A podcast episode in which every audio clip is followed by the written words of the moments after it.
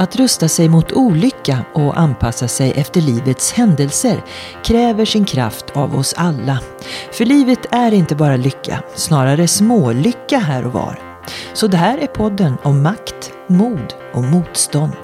Bara i hjärntillskott med Lydia.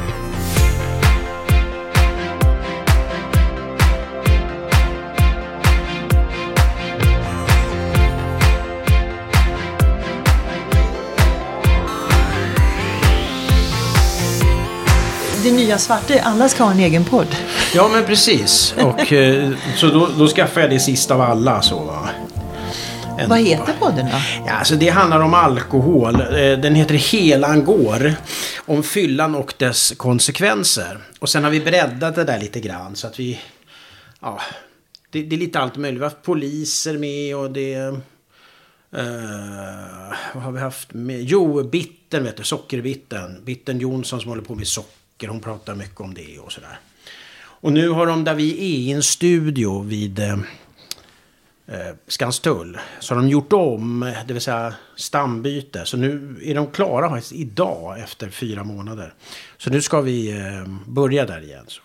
Men, men Benny Haag, förresten välkommen. Vi har kört igång här nu. Har du gjort det? Ja, det tycker Jaha. jag. Det tycker jag. Eh, jag som trodde jag visste nästan allt om dig, Nej, men inte att du hade en podcast som handlar om alkohol. Fast det är ganska naturligt, det kommer Ja. vi att få höra sen tror jag. Ja, det, det, det är inte omöjligt att man får det. Jo, det startades faktiskt i januari. Vad är det idag? Nej, i höstas. I augusti startade vi upp det där. Och det var intressant. Det var väldigt många som eh, sa ja till det. Så har vi gjort 20 program ungefär. Kan man göra då reklam och säga att den, Helan går, den finns på YouTube och eh, om man söker på Facebook också. Lite sådär, va? Det tycker jag absolut man kan säga. Så vi har Eh, börjat nu Vi har börjat nu. Oj, då får man tänka på vad man säger nu. Ja, alltså. men det, är det ska vara. Det ska börja lite direkt sådär Ja, tycker ja, jag. ja, men det är bra, Men, det är men. Benny, det här Ja. Mm. är lustigt. Eh, eh, då är det inte bara att vi är podcastsändare eh, eh, som gemensam nämnare. Utan då har vi en sak till som är en Travet. gemensam- Ja, du visste Ja, det! jajamensan. Eh, För de som inte känner till detta då så eh, har ju både Benny och jag varit programledare för travet i TV4. Ja. Min parhäst Ja. var ju på den tiden Lasse Brandeby. Ja, Sen det, Mm. hade jag lite med Sven Melander att göra, men, men Sven Melander var ju din parhäst. ja, precis. Det var ju så här så som det har sagts till mig i alla fall. Att Loket hade det ju sen. Och det var så här jätteroligt och det går jättebra och det är jättemycket hästar som springer runt, runt, runt. Men på TV4 är det ju så här att det, tittarna ska bli yngre och yngre och fler och fler. Ja. Och här var det precis tvärtom. T- Tittningen blev äldre, tittarna blev äldre och äldre och färre och färre. Och då hade man någon slags idé att Sven Melander, ja men han har hållit på förut. Ja men det är bra. Ska de hitta någon till? Och då var jag med i Aftonbladet en intervju med Filip Hammar.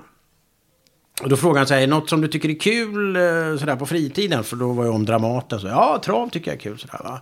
Det gillar jag. Jaha, sa han så här, säg någon som vinner på V75 då. Eller vad, vad det heter. Ja, visst, sa jag. Och så sa han, eh, häst nummer tre i fjärde loppet vinner till sju gånger pengarna. Och så gjorde den det. Och då satte man in den där eh, travvinstbången då i Aftonbladet. Och så såg de det på OTV Media. Som, om det, jag vet inte om de finns längre eller så. Som gjorde det där. Och då resten tänkte- är historia. Ja, historia vet jag inte. Men vi gjorde det där i fem år, Sven och jag. Ja. Och Challe Berglund också, hockeyspelare. Men du, Mm. eh, Benny, det som eh, kanske, du och jag är ju nästan samma generation, eller vi är i samma Vi är generation. samma, ja. Eh, vi i min, vår generation Mm. kommer alla ihåg Xerxes, denna sympatiska eh, gymnasieyngling Ja. som hade urusla betyg och Ja. eldade upp dem på McDonalds. Eh, och, Ja. och, eh, och det är ju aktuellt nu när mina egna ungar går ut gymnasiet. Jag hoppas Ja. de inte behöver elda upp betygen. Nej, men- nej, det ska de inte göra. Absolut. och sen har du stått och, och läst monologen Ondskan eh, baserat på Jan Guillous bok. Vad jag vill komma. Mm. till är att du är en utbildad skådespelare, Ja. arbetat 12 år på Dramaten Ja. och sen slutar du plötsligt år 2000. Ja. Varför då? Ja, Jag tyckte att eh, det var en sån dålig arbetsplats.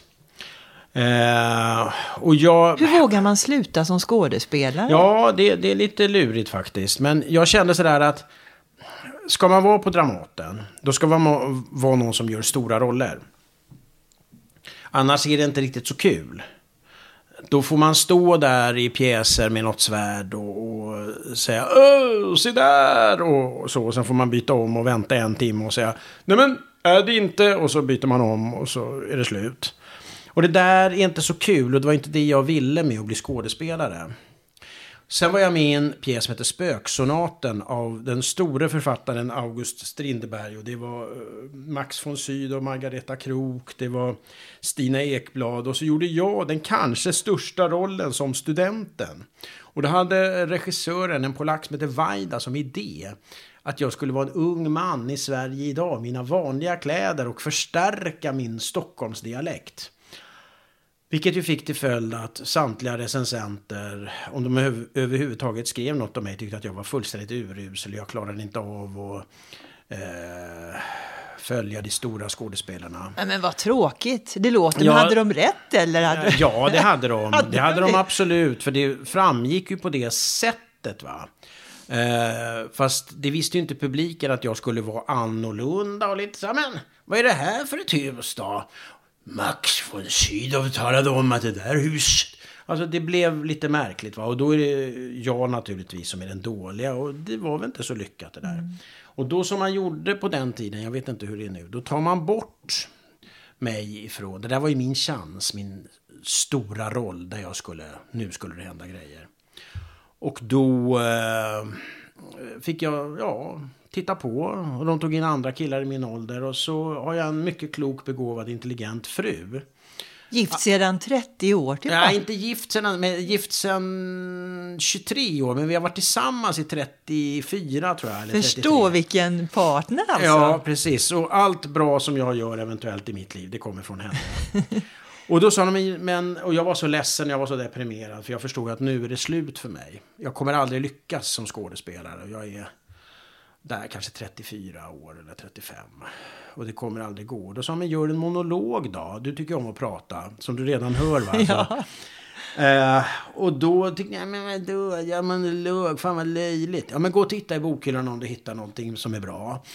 Och så tittar jag i bokhyllan, men Jan Guillous Ondskan, den är ju fantastisk historia. Och så började jag att fixa och greja med det där. Men du höll på med det i fem år? Ja, jag spelade upp det lite grann sådär. Min fru var då det yttre ögat som tittade och regisserade och sådär. Och sen spelade jag upp det på Dramaten då. Så blev det en produktion och den spelades på Dramaten 509 gånger och sen sammanlagt 750 gånger. Och det var nog fullständigt fantastiskt. Alltså det, det, 500 föreställningen var stora scen utsåld. Det var, det var mäktigt. Mm. Det var mäktigt. Det, det, jag vet inte hur många som har läst Ondskan, men mm. det är ju eh, en, en obehaglig eh, upplevelse mm. i, på ett internat eh, ja, helt det. enkelt. Och det ska ju vara Jan Guillous liv. Och jag vill passa på för att Jan Guillou säger ju ibland i intervjuer att människor gör karriär på att tala illa om honom. Jag vet inte om jag kommer att göra karriär på det, men då måste jag säga att jag är så evigt tacksam och eh, har... Eh, ja, jag tycker han är fantastisk, Jan Guillou. Han var otroligt tillmötesgående, vänlig och trevlig vid tillblivelsen av denna monolog. Så att jag är honom stort tack skyldig. Vad roligt. Hej, hej mm. Jan Guillou om du lyssnar. Om du lyssnar, tack säkert. snälla. Han har, hört, han har hört detta. Jag har äh, träffat du har hyllat honom, honom tidigare. Ja. Han är fantastisk. Men Benny, eh, mm. där har, tycker jag, rätta mig om jag har ha. fel, du och Jan Guillou vissa paralleller när det gäller barndomen. För du hade ju inte så himla lätt heller. Du var ju dessutom sjuk tidigt. Nu sitter du och ler med hela ansiktet. Nej, men det blir sådär.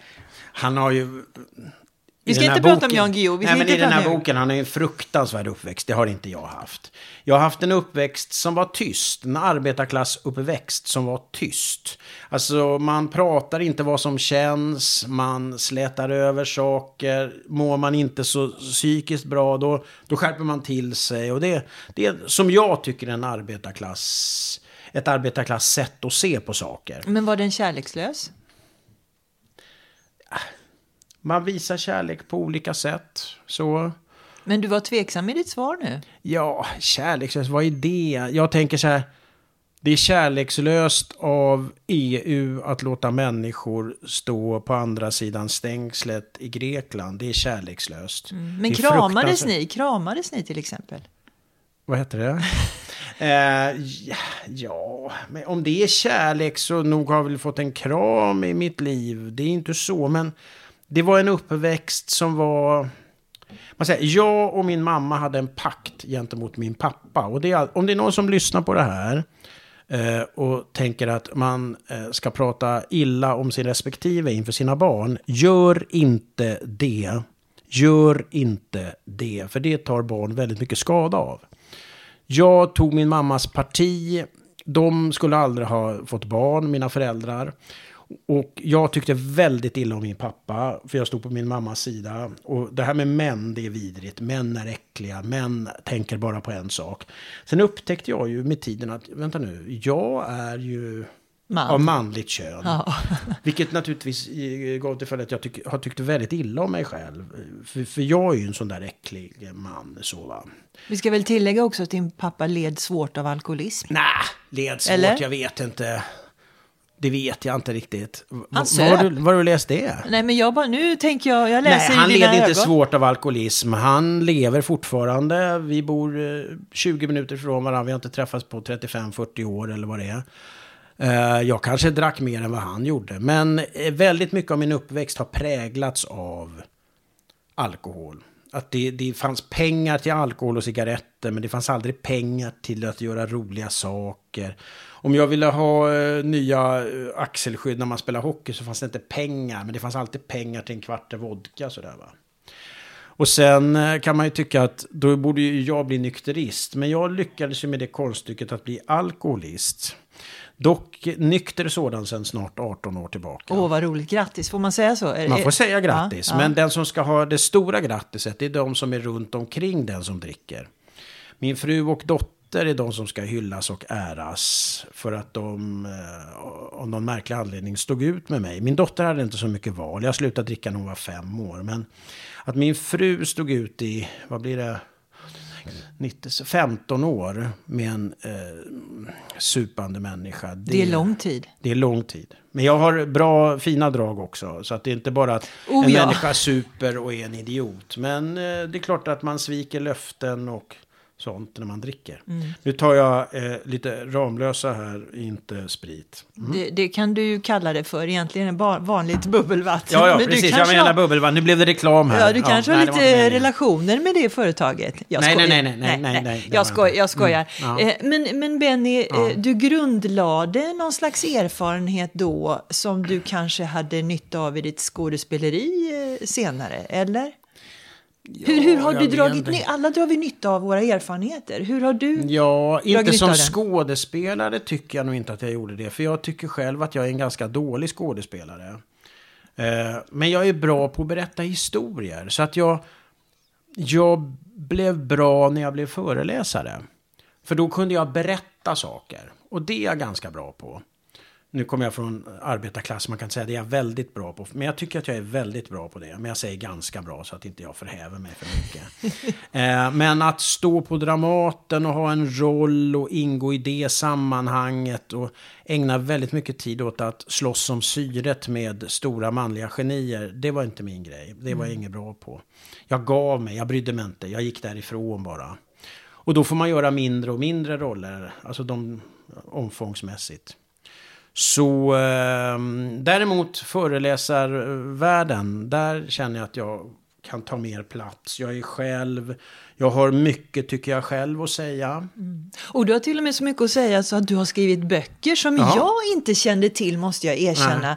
Allt från eh, bok om fotboll mm. med din stora idol eh, mm. Kennedy mm. eh, och boken om terrordådet på Drottninggatan. Ja. Alltså jag blev väldigt förvånad. Men den som fascinerar mm. mig mest det är vill du bli ekonomiskt oberoende, en jävel i sängen och ett socialt geni på tre minuter? Tre, det, ja, ja, tre minuter. Ja. Det är faktiskt en boktitel du har gett mm. ut. Ja, men då är det också tillägg längst ner. Ja. Då är det här helt fel bok för dig. ja, ja, jag pausade där för jag tänkte... Jaha, det, ja, det, det var bara så att du inte har missat det Absolut, jag har ja. absolut inte missat. Men, mm. men här är naturligtvis en, en, en ironisk mm. eh, titel. För egentligen handl... Men undertiteln, den här titeln är ju ännu värre. För mm. då står det Ingenting är möjligt. Ja. En berättelse om tre livsavgörande misslyckanden misslyckanden. Ja. Av alla böcker man kan skriva så var ju den här den som ja. fascinerade mig. Ja, det var ju faktiskt så att jag var på en, eh, och är väl fortfarande lite grann, en talarförmedling. Och eh, då skulle man spela upp lite grann så på en lunch. De är väldigt stora nu, de var mindre då. Och då tänkte jag att... Jag en liten gjort... audition där kanske? Ja, det var audition. Mm. Och då, skulle jag, då tänkte jag, jag kör lite grann ur ondskan va. Jag, jag var väl lite högmodig där. Och de satt och käkade så va, och såg lite trötta ut. Och då tänkte jag, oj det här funkar inte. Och jag märkte ju det. Så då, jag är lite bra på att härma, men jag kommer inte göra det nu. Lite bra på att imitera. Så jag drog lite så här, eh, Ingmar Bergman-historier. Som finns en liten, lite snuskig touch. Sådär, vad är det snuskig? Men alltså det är lite så påhittade. Inte tala illa om Ingmar Bergman. Och då märkte jag så här att ding, ding, ding, ding, ding. Allas ögon eh, växte och de tänkte här är en som är en tusendel så rolig som Robert Gustafsson till en tiontusendel av priset. Honom ska vi ha. Och så fick jag åka ut på lite olika, du vet så här, come together. Jag skulle vara lite kaffeflicka innan eh, maten på kvällen när folk är rätt packade och var lite rolig sådär. Jag kände det där var inte min grej. Jag, är, jag har stor respekt för stand-up komiker men jag skulle aldrig våga mig på det själv. Eh, och så säger jag, nej men jag har en idé.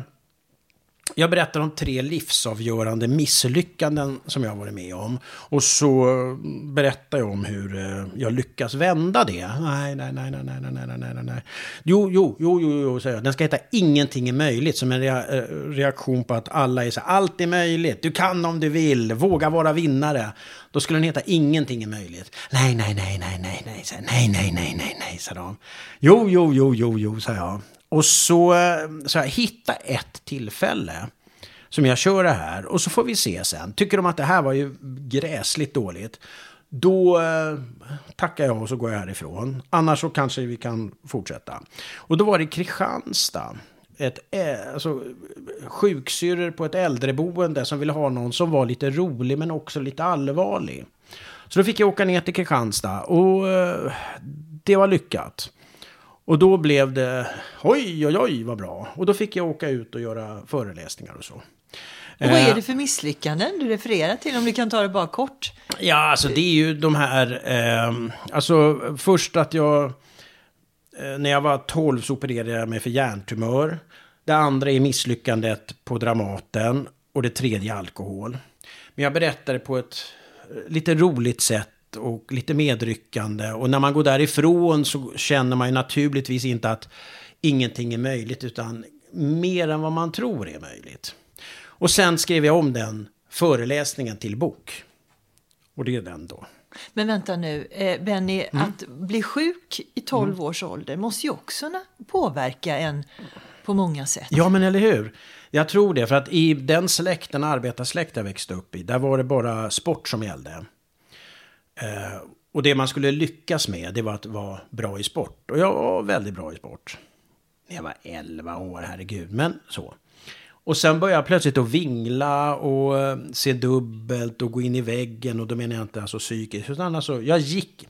Skulle jag ta den här mikrofonen, då skulle jag ta en mikrofon på sidan om. Eller jag skulle välta det här och så. Va? Och det gjorde ju att jag, jag fick ju inte vara med naturligtvis. Man vill inte ha någon som spelar hockey som inte som åker rätt in i sargen. Nej, det är klart. Det blir inte så bra. Och sen svimmar jag i plugget och sen kom jag upp till Södersjukhuset och då hävdas det att det handlade om minuter, kanske till och med sekunder. För att den här satt på lilla hjärnan och tryckte på den här tumören och var väldigt stor. Så att det kunde ha sprängts huvudet. Men det där kanske är dramatiserat, jag vet inte. Men eh, jag i alla fall opererades då. I två år innan hade jag opererat för vindtyrighet. Jag blev plötsligt vindtyrig en dag för att det tryckte på synnerven och så. Och det är klart att det inte är ett misslyckande att bli sjuk. Men det var ett misslyckande i den arbetarsläkt där bara sport räknades. Där var det ett misslyckande att bli sjuk. Och då var jag 13 år och tänkte vad ska jag göra av resten av mitt liv? För jag kunde inte, jag blev behandlad som en glasvas efter det. Så det var, jag var ju så skör då. Va? Och då hade jag en kompis vars mamma jobbade på Fria Proteatern. Eh, som fanns då för tiden på Scalateatern. Och då eh, var jag där och tittade och tänkte skådis, det ska jag bli. Jag ska bli journalist. Journalist ska jag bli. Och sen när jag är 17 år så läser jag i DN, man söker två killar och en tjej till en tv-serie, Lycka till.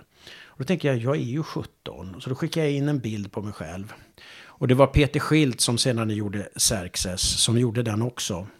Och så var jag på provfilmningar och så fick jag den där rollen som eh, en av de där tre. Och då, Otroligt sympatisk 17-åring. Ja, och då var det plötsligt sådär, herrejösses, detta är mitt liv. Va? Från att kommit, eh, kommit från en arbetarklass där man, ja, nej, det är inget vidare. Nej, där man börjar alla meningar så, mm. nej, det vet jag inte precis. Ja men pappa, jag hade alla rätt på proven. Nej, det är väl inget vidare. Så va. Så plötsligt... Förlåt att jag skrattar, ja. men det blir väldigt komiskt i ja, det hela. det är tanken att jag kan ju inte berätta någonting. Så här, jag, eh, jag, kommer inte sitta här och gråta och säga att jag har så jobbigt. Utan jag berättar saker lite kul och så förstår man att det finns ett allvar. Mm. Men plötsligt är jag på en filminspelning där det finns 20 människor som bara är intresserade av eh, hur jag säger repliker, hur jag mår. Hur och tycker jag... att du gör det bra. Till och med det. Ja. Till och med det. Och då kände jag att detta skulle i fortsättningen bliva min melodi. Mm. Men ben, Benny, mm. för mig är du ju en kameleont av eh, nästan högsta rang. För att, jag vet när vi kameleont? pratade... Ja, nej men alltså du, du ändrar ju du har ju breddat dig mycket mm. på grund av, tror jag, den där rädslan som många skådespelare mm. har. Vad fasen gör jag om jag inte får några roller? Ja, ja. Mm. Och, och, och, och, i detta, med alla dina erfarenheter, mm. så har du dessutom utbildat dig till KBT-terapeut. Japp. 2011 till 13. Du tycker ju om elände. Säger ja, jag med stort ja, elände. Alltså jag, jag trivs ju väldigt bra bland människor som inte mår så bra. Det är inte det att jag känner att då mår jag bra, men jag trivs och tror att jag kan göra en insats. Jag skräms inte av dåligt mående. Jag skräms, jag blir inte alls rädd av eh, människor som talar om för mig att jag, jag vill ta livet av mig. Okej, okay. intressant, varför då? Alltså det blir så här, nej men det här vill inte jag prata om. Och det här är en grej som har varit hela mitt liv, som jag har vuxit upp i ett hem där man inte ska känna eh, någonting överhuvudtaget, utan det slår vi bort. Och då blir det som en motrörelse för mig. Jag ska känna jättemycket och jag tycker det är viktigt att tala om hur man känner sig och så.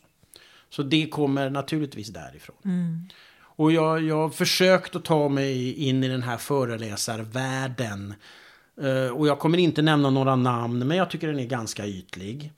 Uh, och det är våga vara vinnare, du kan om du vill, tänk rätt. Ja, då skulle jag vilja fråga så här. Mm, din syrra är döende i cancer, hur ska man tänka rätt då? Det är sorgligt, men hur tar man sig vidare i livet? Och då kan jag hjälpa med det. Men att det här våga vara positiv när syrran är på väg att dö i cancer, det är, det, det är inte så bra tycker jag. Är det, för, är det förmätet att fråga dig eh, om just det rådet? För mm. många som lyssnar eh, kanske har gått igenom eller Eh, är mitt uppe i någonting som är mm. riktigt, riktigt tufft. Mm. Vad, vad, vad, vad, har du någon, var börjar man? Ja, för det första så tycker jag att man ska erkänna för sig själv att det är väldigt, väldigt jobbigt. Och det kanske man gör. Men vi lever i en tid och ett samhälle där man inte ska känna att det är så jobbigt. Eh, där man ska eh, slå bort det och där man ska vara lite glad. Det är bara att gå in på Facebook och se hur lyckliga alla människor är. Uh, och sen kanske de kommer till mig och så ser jag deras Facebook-sida. Men när de sitter hos mig så är de inte lyckliga. Jag tycker att vi ska våga, jag gillar inte det ordet, men vi säger det ändå. Våga ta sig ner på djupet. Det är inte så att om en syrra är döende i cancer att uh, hon blir frisk då. Men om det nu är så, livet är upp och livet är ner. Pratar man om det så kan man faktiskt komma vidare. Mm. Man blir inte lycklig på samma sätt som innan. Men livet är inte bara lycka. Livet är svårigheter också. Det låter också som en floskel, men det, det är det. Och då kan det vara skönt att hålla någon i handen som är terapeut. Då menar jag inte hålla handen på riktigt, för det, det tycker jag inte man ska göra. För att man, ja, man ska inte, jag, jag, jag, jag, till exempel om jag har klienter, jag kramar aldrig om en klient. Speciellt inte om det är en kvinna. Eftersom den människan är i en beroendeställning till mig. Och då kan det vara, om man mår dåligt och så kommer en terapeut som kramar om en och så känner man att han är så fin och så, om jag, så blir man inte kär i den. Det är inget bra. Det är, det är ett himla kramande Benny nu när mm. du säger det faktiskt. Egentligen i onödan. Nej, det är väl bra att folk kramar varandra. Det är bättre att folk kramas än att folk slåss. Men så det, det gör inte så mycket. Men jag är väldigt mycket emot den här lyckovärlden. Jag, eftersom jag har en 23-årig dotter så följer jag olika influenser. För jag vill se vad hon influenseras av. Nej, det var fel. Influeras av. Influeras av. Och det är lite konstigt tycker jag med dessa flickor. För det är mest flickor som är så... Eh, lättklädda och så lyckliga och så sminkade och livet är yta och de fotograferar sina maträtter och sina lyxvillor och allting. Och sen kommer de ut med en bok om sin alkoholism eller hur dåligt de mår eller sin bulimi eller vad det är. Och då tycker jag att man kan börja med det. Mm. Jag, jag, jag, jag är bulimiker men jag tycker också om att ha fina kläder på mig. Men att inbilla människor att det är lycka, det är lycka, det är lycka. Men sen kommer det ändå, när man skrapar på ytan hos alla människor så finns där någonting. Mm. Du, jag tänker på det, eh, ibland eh, kan man föreställa sig att man kan träna upp sig lite mm. om det skulle hända några jobbiga saker i mm. ens liv. Och det jobbigaste som kan hända det är när man börjar tänka på saker som kan hända ens barn. Mm. Men jag mötte en kvinna eh, för många år sedan som blev av med eh, två döttrar i mm. branden i Göteborg mm. på diskoteket. Och hon berättade för mig att eh, i hennes kultur så tänker man just det värsta som kan hända. Mm, mm. Och, och, du och jag, bara vi närmar oss tanken att någonting skulle hända våra barn mm, i det här mm. fallet, det, det, man orkar inte ens i stunden tänka på det. Men hon sa mm. att men, men öva på att tänka på det värsta, bara en liten kort stund. Mm. Du rustar dig. Håller du med ja. om det? Jag håller med om det, men jag kanske inte skulle vara så här jättebra på det själv. Att sitta och tänka på att det händer någonting med Nej. min dotter. Jag vet inte. Jag har ju också... Jag menar, jag har mått väldigt dåligt i mitt liv. Jag, jag har tendenser till att vara neurotiska. Jag, man kan säga så här om jag jämför nu med hur jag mådde för 30 år sedan så mår jag mycket bättre idag. Men det är också så att jag har gått i terapi och gör fortfarande och kommer jag fram till min död. Så jag, jag har bearbetat väldigt mycket. Men jag är en människa som inte... Jag har en väldig beredskap eh, mot eh, olyckor. Jag ska inte gå in i det. Det finns där ändå. Så att säga. Vissa har den, eh, ja, tyvärr då, ja, tidigare. Ja. Jag är van, om man vuxit upp i ett hem som är dysfunktionellt och jag är van att ha koll på saker. Jag är van, på, van med att...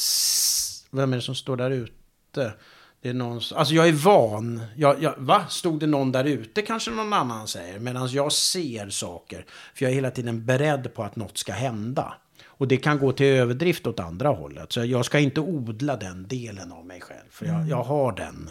Så mm. kan man säga.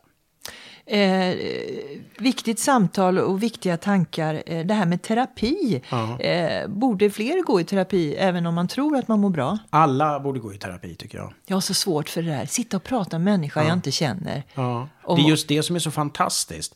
För med alla människor som du, liksom, kompisar eller respektive eller barn eller släkt. Så har du en relation. Och du kan inte säga till till exempel din respektive att det här tänker jag på. För då kanske han eller hon blir, tar väldigt illa vid sig. Det är det som är så fantastiskt, att du inte har en relation till den terapeuten. Du kan säga det där. Så många människor säger till mig, alltså det här är ju helt galet. Jag är ju inte klok. Jag är helt knäpp. Jag förstår att du tycker det. Och så säger de någonting som inte alls är knäppt och konstigt. Men som man har byggt upp inom sig som någonting väldigt märkligt. Men som faktiskt inte är det. Mm. Sen är det naturligtvis att jag som terapeut har tystnadsplikt allting sånt. Jag skulle aldrig sitta, jag är väldigt försiktig, ingen kan härleda till någon. Det är därför jag liksom är väldigt allmän kring sånt. Så att jag skulle snarare vilja säga att det, det, är en otrolig befrielse. Första gången jag gick till en terapeut så kände jag att här, nu har jag kommit rätt. Va? Nu behöver jag inte låtsas som att jag mår så bra. Jag kan må jättedåligt här utan att någon människa tar av sig glasögonen och säger men det där låter ju inte klokt. Tänker du så? Utan jaha, du tänker så, ja ja. På, vad, vad beror det på tror du? Jaha, och det är inget konstigt va? Ja, det, det, det, är vettigt att analysera. Det är väl också mm. en vanesak, en, en ja. liten bro man måste komma över innan ja. man... Sen det här säger många så här, ja nej men jag vill inte sitta och älta. Det betyder inte sitta och älta. Det betyder inte mala på samma, utan det är att hitta vägar fram, hitta möjligheter. Om det är någonting man har hakat upp sig på i sitt liv, vad det nu än är, så kan man faktiskt hitta andra vägar. Så det är inte, men sen måste man naturligtvis tala om vad det är som gör ont i en. Och då kan man säga, jag vill inte älta det där. Nej, men det, man ska inte sitta och älta någonting. Man berättar om det, sen så försöker man ta sig vidare. Mm. Så alla människor borde gå i terapi, mm. det tycker jag. Okej, okay. point taken som det ja. heter. Eh, Benny, du har mm. ju en otrolig erfarenhet som människa och yrkesperson. jag blir så vanvettigt generad. Vi har ju jo. pratat i telefon och du, liksom när du säger sådana här saker så blir jag, va? Nej, det har jag inte. Jo, men, men alltså, nej, nej, nej, jag, nej, nej. jag kan förtydliga ja. naturligtvis, ja. men men erfarenheter är inte bara eh, gräddfiler, utan Nej, erfarenhet precis. är svart och vitt. Och du har ju verkligen ja. haft de här nyanserna. Eh, men då blir jag naturligtvis nyfiken, för du har ju gjort så mycket och, och du är mm. KBT-terapeut och böcker och allt möjligt. Mm. Vad är nästa grej? Och podcastare mm. gör du också. Ja. Vad är nästa grej då? Ja, jag har startat tillsammans med en som heter Robert Andersson, något som heter Vertikal utveckling. Och det är Södermalm, så vi har en eh, lokal på eh, Ringvägen 100, mittemellan Clarion Hotel och Åhléns där. Ringvägen 100, är det inte gamla skatteskrapan? Nej, alltså det eh, om man säger Åhlénshuset där. Ja, okej, okay, då är jag med. Ja. Där som kommer vi ha lite mottagning, chefsutbildning och lite sånt där. Eh, det gör jag där och sen har jag skrivit en monolog till en annan person som eh, han eh, förhoppningsvis kommer att spela. Som är hemligt eller? Lite hemligt är det. Han kommer säga när han hör det här. Ja men du kunde ha sagt det. Ja men det är sådär. Det kommer bli någonting och det kommer bli jättebra. Men ja, vi väntar med det. Och sen så har jag en bok på gång med en polis. Det får också vänta lite grann. Så det, jag kan säga bok med polis, alltså det, pff, ja... Jag skrev ju en bok om, med en polis som heter Per Karlsson som var biträdande chef på Norrmalmspolisen som jag går på fotboll med under terrordådet. Eh, där vi träffade 19 stycken som var i händelsernas centrum. Polis, brand, ambulans. Den är fruktansvärt bra den boken. Inte för att jag skriver så bra utan för att det är sådana fantastiska historier. Varje gång jag gick ifrån att ha träffat de här människorna så kände jag, alltså, jag, jag kände att jag bara ville bara gråta för det var så fantastiska. Till exempel en skiftledare på Skandiabiografen. Visste de att det står 408-åringar utanför Skandiabiografen på Drottninggatan 20 minuter innan lastbilen kommer?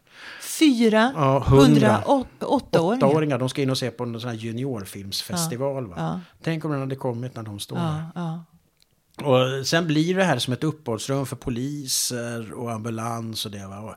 Fantastiska historier, vilka fantastiska insatser. Så många brand, polis, ambulans, hon, den skiftledaren där har gjort. Va? Men den passerade förbi bara fullständigt under all radar. Inga tidningar, ingen media var intresserad av den. Och det, det är min yrkesmässiga katastrof i livet. Att det blev så. Jag, jag, Usch, fan, jag ska inte sitta här och bli ledsen nu. Men det, jag kan inte fatta den. Den kom ut oktober 2018. Mm. Och ingen var intresserad. Mm. Men nu kanske man äh, återuppväcks. Varför ska Nej, man fan, läsa det? det ska vara vodka i det här istället. ja, nu får inte bli bittra här nu. Men eh, det händer någonting med mm. människor i kris, Benny, kan ja. vi nästan summera mm, här. Titta, det har nästan gått eh, en halvtimme redan. Har det det? Oj då. Ja, Oj då. Ja. Men, men, men det är ju en lärdom som mm. du sprider till andra mm. eh, och som vi kanske också ibland ska vara kan man säga det, vara rädda om en krisupplevelse? Man ska eller? inte sträva efter kris, det menar inte jag, för kris kommer av sig själv. Olyckor och elände kommer av sig själv, det behöver man inte iscensätta. Men de poliser, brand, ambulanspersonal som jag prata med där. Som verkligen, alltså jag har till exempel träffat de två som går in på Lens. När lastbilarna, de två poliserna, när lastbilarna kört in och de ska upp på fjärde våningen och eh, hitta terrorist som de ska skjuta. Och alla rusar ut och de går upp med dragna vapen och ser i mörker, för det är mörkt och rökigt, och ser de eh, sådana här provdockor. Är det är det en människa? Eller, och de är så rädda för att skjuta varandra och sådär va. Alltså det här är nästan som en, en scenbeskrivning ja, om man får vara så fräck alltså, och det är, det är, inte, det är sådana fantastiska historier. Mm. Det, det, är obegripligt att det var så ointressant. Men det, det, det, det som de har eh, att berätta eh, Ja, vad, vad, ska jag säga? Alltså jag, jag blir lite, jag får någon slags lite blackout när jag hamnar i det här. Va? Men de visar på sånt enormt mod, det kan jag säga. Med sin risk för sina egna liv så går de in. Och de har ganska låg lön som poliser. Va? Ambulansförare har nästan inga pengar alls. Va? Och de, de går in där det kan vara någon terrorist som är. Va? Det, det är så fantastiskt. Det, den berättelsen plus människor som står och filmar. Du vet när det ligger döda människor. Det, det är också en annan del av det hela som är helt obegriplig. Va? Men mm. när det, det, som många säger, det som hände på Drottninggatan, det var att människor visade, visade ett enormt mod och en enorm solidaritet med varandra. Du har många berättelser att dela med dig av, ja, Benny. Ja. Eh, och du är själv en livslevande sådan. Ja. Men du, du, då får vi se fram emot både monologer och böcker och en och vi, annan vi podcast. Får, vi får hoppas det. Att det ja, ja, eller det får vi att man ser fram emot. Jag menar, blir det av, det blir det absolut. Va? Ja. Var rädd om dig. Tack för att du kom hit. Tack för att jag fick vara med.